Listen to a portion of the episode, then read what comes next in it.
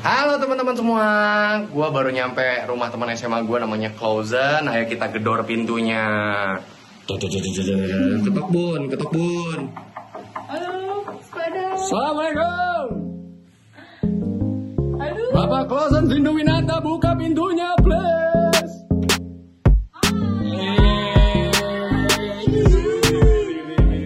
Gila rumahnya enak banget ya bun gua gua gua, gua kayak kayak youtuber youtuber gitu dah.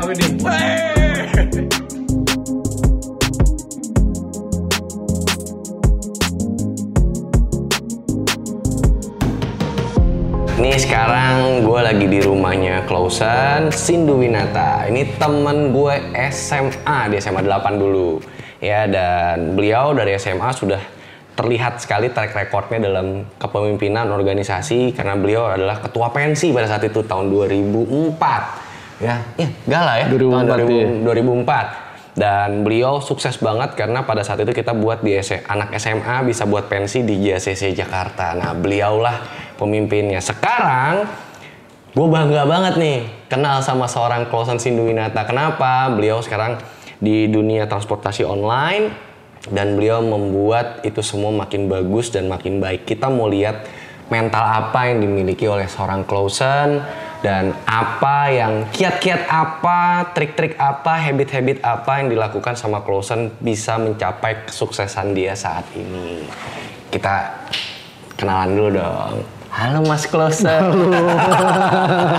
Gak santai aja, santai aja. Gimana, gimana, gimana, gimana? Gimana, Jadi, bro? Ceritanya gimana? Lu mengawali dari dulu yang depannya U, ya, yang belakangnya R, tengah-tengahnya B, ya kan? Nah, tahu kan teman-teman itu semua?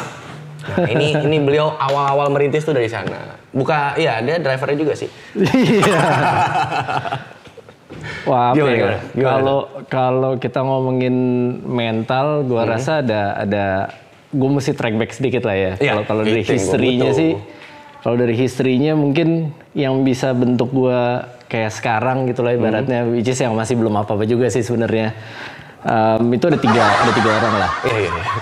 Nomor satu bapak gue, Hah? nomor dua adalah mungkin bini gue, Hmm. dan yang ketiga adalah um, karena gue di transportasi online, jadi di sini gue langsung bilang aja bahwa driver-driver itulah yang jadi guru-guru gue juga. Oke. Right. Jadi kalau kita pecah salah satu nih, cuman singkat-singkat aja dok ya, kira-kira um, kalau dari bokap gue, yang pasti dia juga dia adalah seorang pekerja lah, seorang karyawan gitu kan, karyawan swasta. Cuman yang gue lihat dia udah 40 tahunan kerja nggak pernah pindah kantor nih, dedikasinya kayak orang gila gitu kan. Nggak pernah pindah kantor, 40 tahun dia merintis banget dari yang benar-benar dari kepala teknisi nih, dari kepala teknisi di satu perusahaan em, swasta yang bergerak di bidang otomotif, sampai akhirnya dia di puncak pemimpinan tertinggi lah, jadi CEO-nya. Oke. Right, Jadi jadi lu kebayang lah dari dari yang megang bengkel bisa sampai masuk manajemen dan bisa jadi Sampai seorang CEO. CEO. gitu kan. Nah dari situ juga nggak mungkin gue pasti bohong banget kalau nggak ada yang bisa gue pelajarin kan. Betul. Dari bokap gue.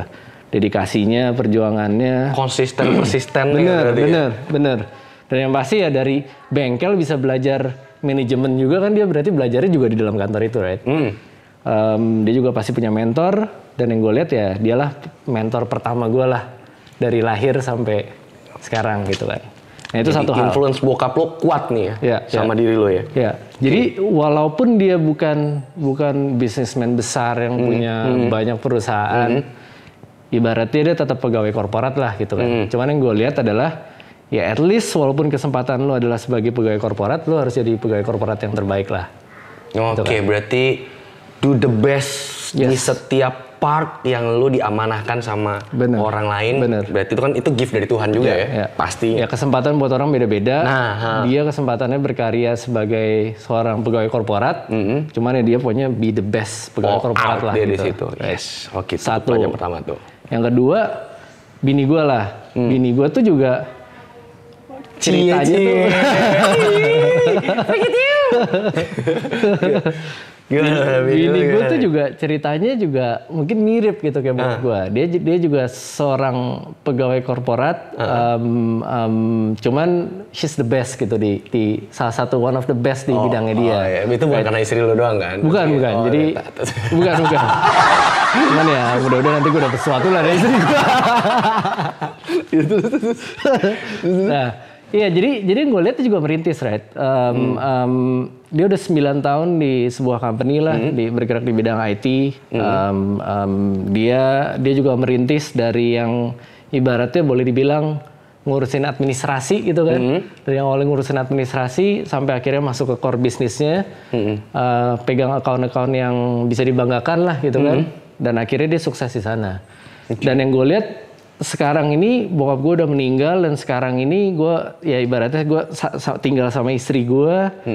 Um, gue udah menikah um, dari tahun 2014 yaitu enam tahun. Ya di situlah berarti kan sparring partner gue gitu kan di rumah. Iya, iya. Jadi kalau misalnya memang dia sampai um, dia naik, dia terus terus terus berkarya, dia juga punya motivasi seperti apa, pasti akan ada dampak baik yang ke gue juga. Yaitu gue juga pasti akan termotivasi kan. Betul. Nah itulah influence kedua gue.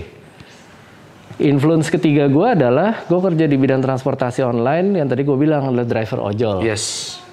Kalau lo tahu driver ojol itu Oke boro-boro ya bro, maksudnya kalau kayak kita kita masih bisa mikir long term, kita pengen punya goal satu tahun ke depan, kita pengen gue nggak tau lah, kita pengen punya beli mobil, kita pengen beli rumah, kita pengen invest di ruko, men mereka kagak bisa sama sekali.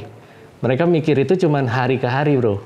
Buat nyambung hidup per hari. Bener bener, hari ini gue bisa bawa makanan pulang atau enggak, Iya.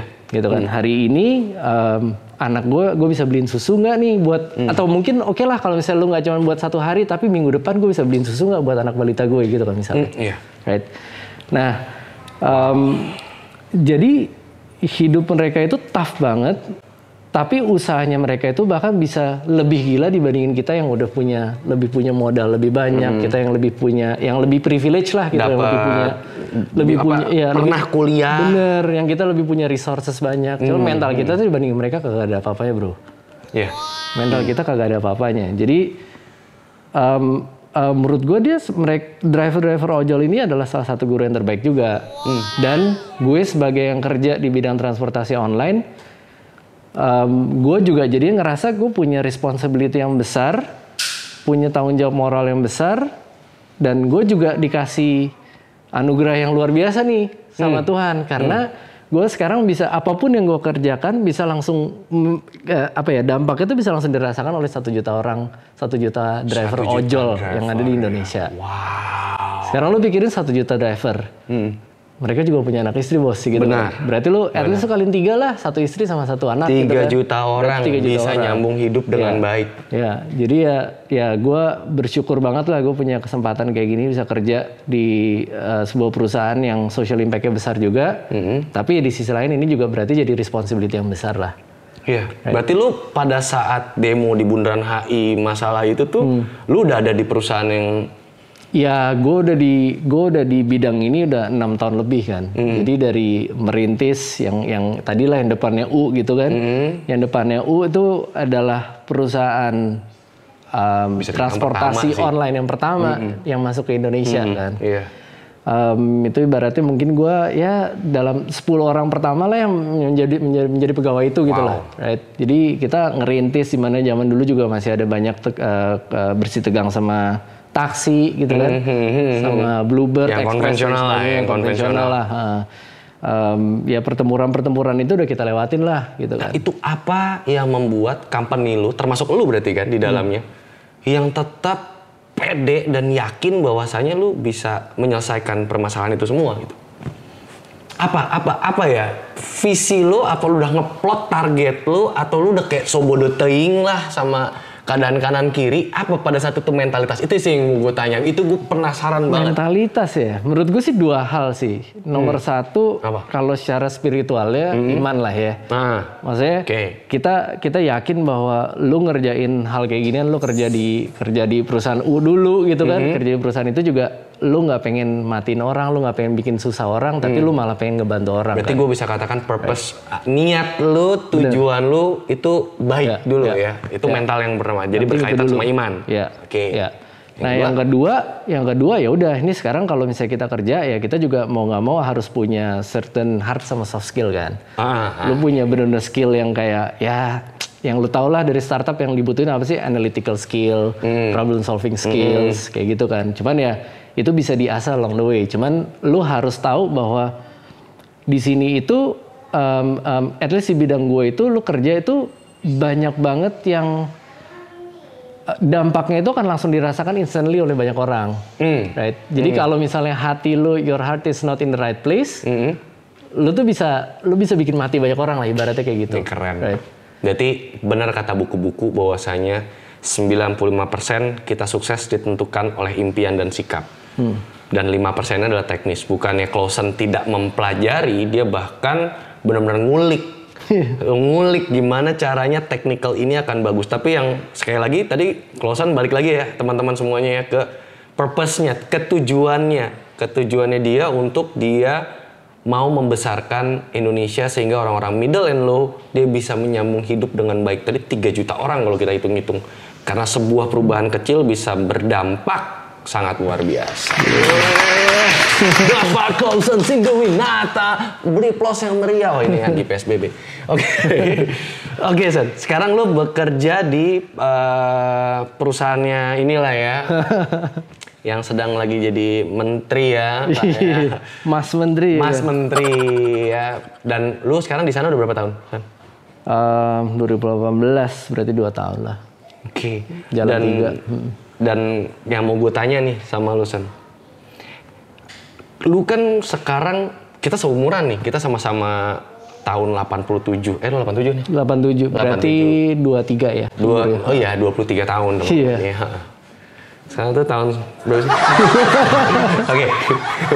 Nah, habit apa nih San? Karena kan ini ada teman-teman yang berlatar belakang pebisnis, ada yang berlatar belakang eh, bekerja di swasta maupun negeri. Untuk mencapai posisi elu, pasti ada improvement every day. Benar gak sih? Lu pasti dituntut sesuatu dan yang mau gue tanya nih, apa yang membuat lu terus bergerak untuk lebih baik setiap hari? Oke, um, well disclaimer dulu ya masih gue di posisi sekarang walaupun gue mungkin um, um, ya udah lumayan experience di bidang ini, cuman gue masih nothing lah, right? Ya gue masih masih Selalu merasa nothing Masih- teman-teman. masih Berarti juta- mau belajar. Masih terus mau belajar. masih jutaan hal lah yang harus dipelajarin, right? Um, dan nomor satu, kalau kita ngomongin sebagai pekerja lah ya, seperti seperti gue gitu kan sebagai karyawan, yang paling pertama yang gue lihat adalah di mana tempat gue berada nih sekarang yaitu kantor apa, itu akan ngebantu lu banget untuk ngebentuk um, lu di masa yang akan datang. Jadi semua learning situ. tuh dipikirin juga ya. Ya? Oke. Jadi ibaratnya lo lo atlet nih gitu kan. Lo lo lo selalu harus setiap hari harus latihan gitu kan. Yang per- yang lo pedulin tuh apa sih sebagai atlet? Nomor satu adalah lapangannya. Nomor dua adalah coachnya kan pasti kan. Hmm. Sama aja kayak kalau misalnya gue aplikasikan di diri diri gue, lapangan gue tuh adalah kantor gue sekarang nih. Lapangan gue bagus atau enggak, lapangan gue rumputnya kayak gimana, rata atau enggak, itu juga pasti akan akan menentukan gue skill gue lah gitu. Kalau misalnya main baseball kan, lo juga main baseball ya. ah. Nah yang kedua tentu saja coachnya, karena balik lagi gue ya kita masih muda lah bro, masih masih masih kayak tadi gue bilang masih ribuan jutaan hal yang masih harus kita pelajarin kan. Jadi gue masih tetap membutuhkan mentor juga. Dan yang gue lihat mentor di sini adalah bos gue juga sih sebenarnya. Oke. Right. Yang paling gampang. Menteri, eh. Mas Menteri. Ya enggak lah Mas Menteri kan udah udah itu udah bukan 3 juta doang bro yang diurusin bro. Iya juga. Itu udah Itu 240 juta iya, Iya. ya. Iya, jadi ya itulah bro. Jadi em, untuk sampai sejauh ini gue ngerasa konten, gue ngerasa bersyukur banget bahwa at least lapangan tempat gue berada yaitu company gue sekarang itu masih memberikan gue jalan untuk gue masih bisa belajar. Dan yang kedua adalah coach gue itu juga masih memberikan gue masih value-nya masih gede banget untuk proses pembelajaran gue. Right? Nah, karena gue ngerasa ada dua hal itu, jadi ya setiap hari gue masih ada motivasi juga. Oke. Right. Ini buat teman-teman sekarang yang bekerja, eh Clausen ini dia punya mentor dan teman-teman di kantornya wajib cari mentor. Karena gimana juga ada helikopter view ya yang dari atas itu ngelihat kita lagi jalan di hutan ya San, ya. Istilahnya gitu. Kita kan nggak tahu belok kanan belok kiri. Nah, coach itu mungkin skillnya nggak bisa sama, bisa lebih baik atau mungkin di bawah kita. tapi dia punya sesuatu hal yang kita tidak bisa miliki pada saat kita lagi bekerja, yaitu apa? Helikopter view. Benar. Dia bisa lihat dari atas kekurangan kita, kelebihan kita yang kita milikin. Jadi kalau teman-teman mau improve hidupnya setiap hari lebih baik, seperti yang Klausen katakan tadi, butuh seorang mentor yang benar-benar bisa berani ya, berani untuk ngasih tahu lu salah, lu bener, lu lebih baik. Coach lu galak gak? Sen? Galak bro. Jadi kalau gue galak malu lu pada wajar. Bercanda.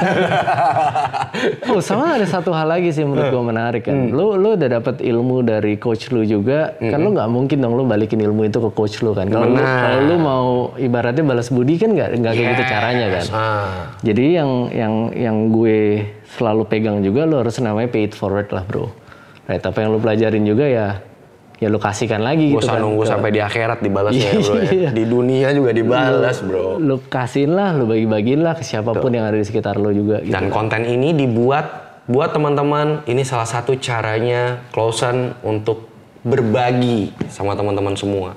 Apa pun itu latar belakangnya, kita wajib improve diri kita setiap harinya. Itu mulu kontennya ya. Karena emang itu paling penting ya, Son. Mau gimana ya, mau gitu lah.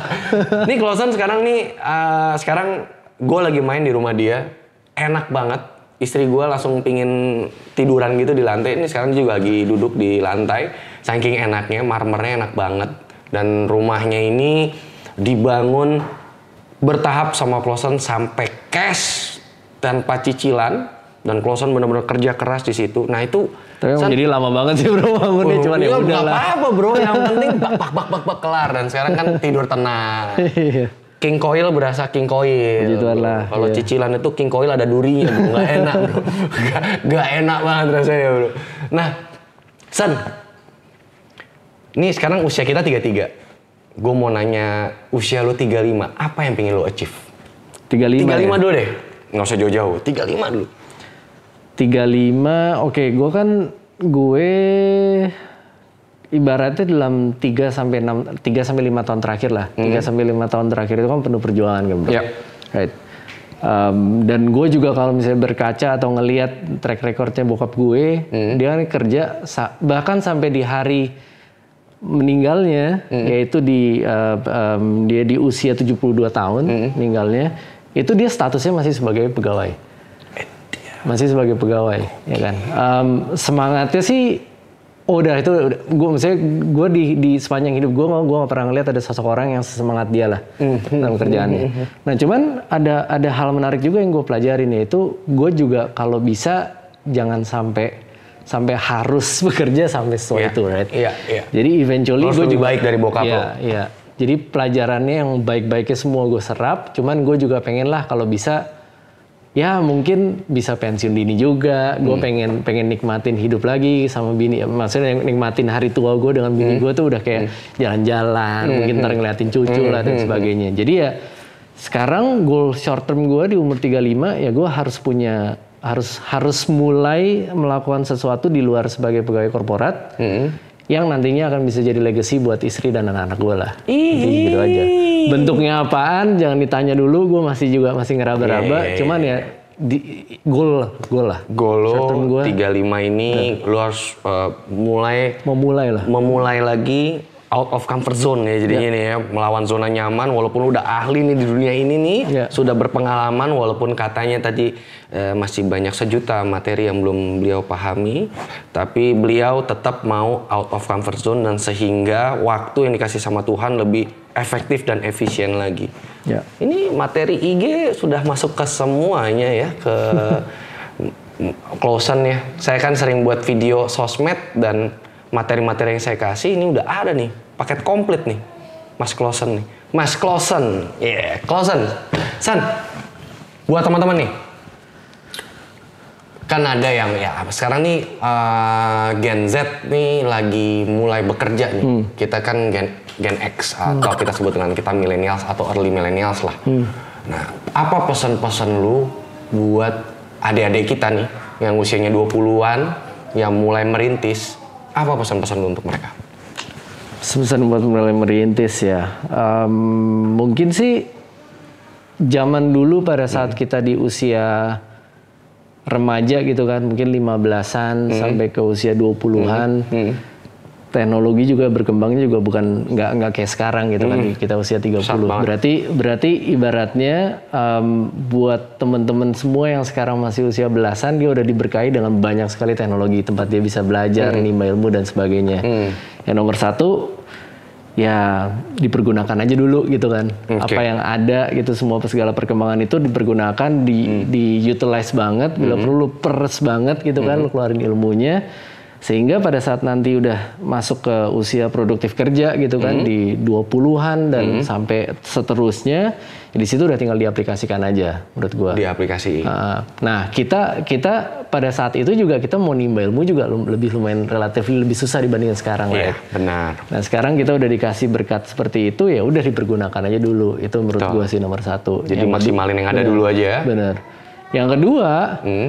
Yang namanya perkembangan teknologi juga, tapi nanti ujung-ujungnya lebih kayak apa ya, ibaratnya kayak survival of the fittest kan gitu. Hmm. Orang-orang tuh yang bener-bener yang talented banget, lu nggak butuh nggak butuh sekian banyak pekerja lagi nanti di masa yang akan datang Hmm. Iya. kan. Betul. Berarti ujung-ujungnya kompetisi itu akan lebih gila Lebih lagi. berat nih adik-adik 10 kita nih ya, lebih berat lagi nih udah ya. lebih sinting lagi gitu kan. Jadi jangan sibuk main Iya. uh, game online ya.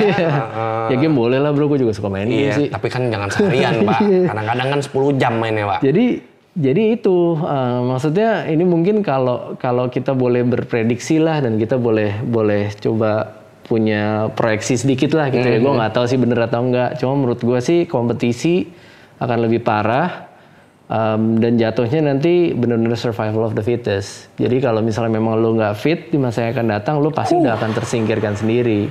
Gimana tuh, teman-teman? Menurut gue. Gimana tuh? Jadi kaum rebahan harap tobat. Bahwasanya real life itu berat. Kalau kita ngomong berat akan merasa enteng kalau kita bisa kerjakan bersama di lingkungan yang tepat. Itu yang saya pelajarin.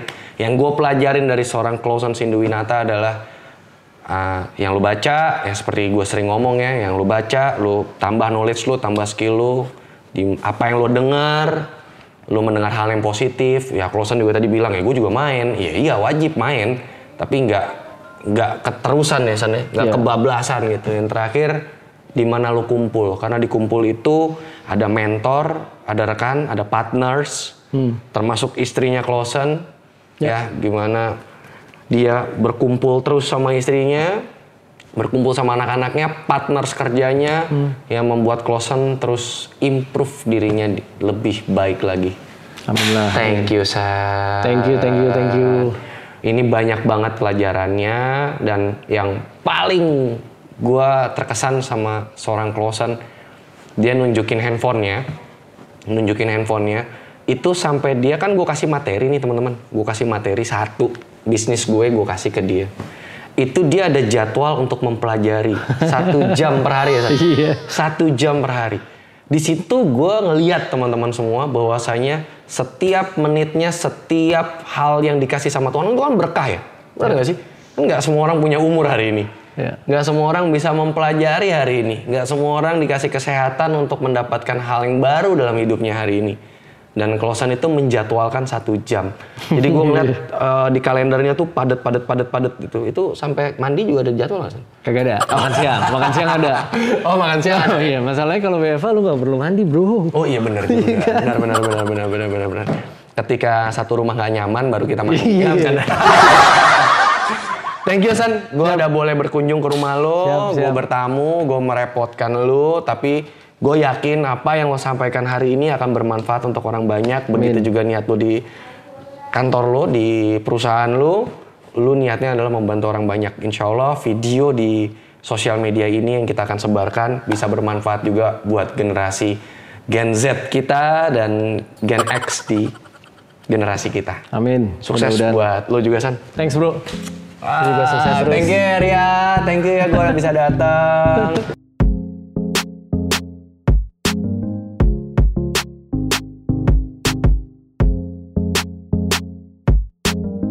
Oke, eh, Son, thank you banget sharing hari ini. Thank you, Ria. Dan gue pamit dulu ya, sekarang ya. Bye. ntar gue mampir ya.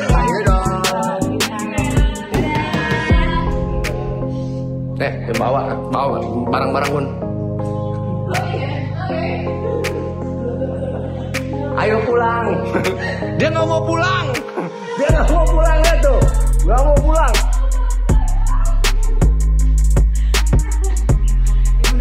Wah, enak banget rumahnya. Bye. Eh, mana? Istri gua masa gua tinggalin di sini? Sini, Bu. Jangan aja sini dulu. Dia mendalami Thank you ya.